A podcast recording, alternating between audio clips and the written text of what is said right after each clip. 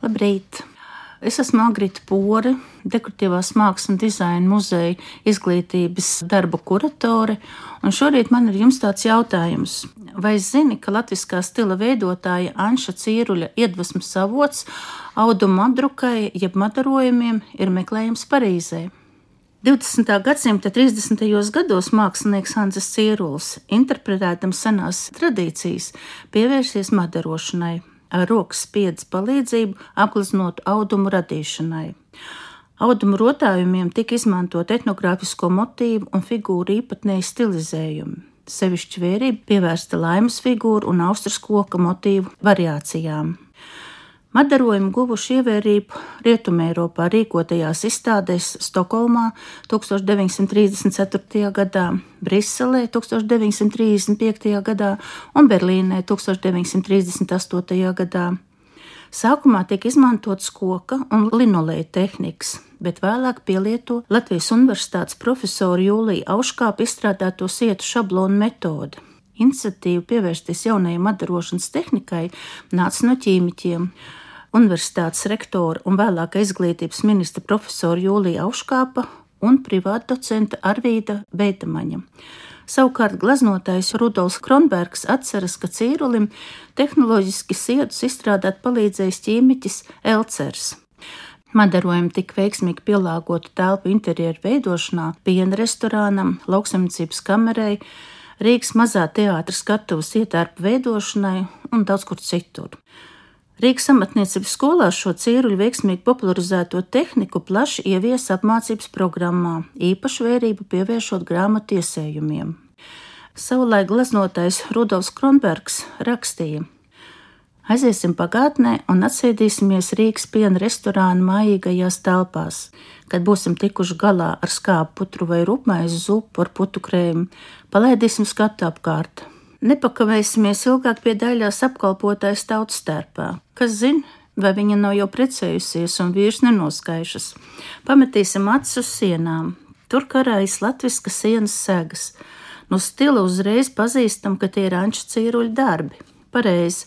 Mēs taču lasījām avīzēs, ka Cīrulis 1928. gadā par šiem madurojumiem, kā viņš tos nosaucis, Briseles starptautiskajā izstādē saņēmis godalgu. Atceros 1931. gadā, kad mācījos Parīzē, dekoratīvās mākslas akadēmijas profesors Pols Kolēns rādīja saviem audzēkņiem savus silkskrīnu gleznojumus un stāstīja, ka šo tehniku beļģi pārņēmuši no Ziemeļeiropas māksliniekiem. Manā rīcībā nav vairāk ziņu, vienīgi zinu vēl to, ka cīrulim šo madarojumu, vai kā to šodien sauc, silkskrīnu tehniku, atrisināt palīdzējis ķīmiķis Elcers. Domājot par Ansi Cīruli, mākslinieks Kārlis Miesnieks saka, es nemaz nevaru iedomāties latviešu lietišķās un vispārīgi mākslas bez cīruļa. Tad saskatītu lielu tukšumu. Viņš ir latviešu lietišķās mākslas dibinātājs, caumlauzis. Viņš ir humanists, cīnītājs, izcils meklētājs, strādnieks. Parīzē redzējis Eiropas kultūru. Jau 1921. gada pavasarī Ants Cīrulis Parīzē apmeklē muzejus, klausās lekcijas Sorbonā, satiek daudz tautiešu, un viņu paziņo lokus ar vien paplašinās. Viņš iepazīstas ar Raimondu Dunkanu, slavenās dejotājas Aisadoras Dunkanes brāli. Kādā vēstulē sievai Sofijai viņš aizrautīgi stāsta par to, cik ļoti viņu pārsteiguši Parīzes ielas un arī kāds veikals tāds plašiem logiem, ko redzams, kā sievas plucina vilnu, auž audumu, ar pincelēm rokās to apmālē raibi, jo raibi, kur kāds vīrs drukā rokas presi un visi sen grieķu tērpos zandeles kājā. Visa uzņēmuma iniciators un dvēseli esot Dunkans.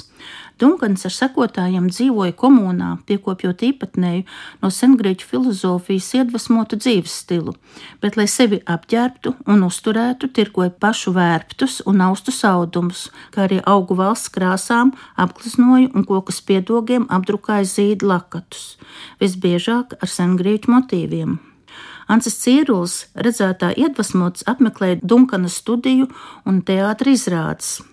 Varbūt toreiz redzētais rosināja pašam vēlāk ietspiedas tehnikā darināt latvisko ietērpu Rīgas mazā teātra izrādē 1936. gadā.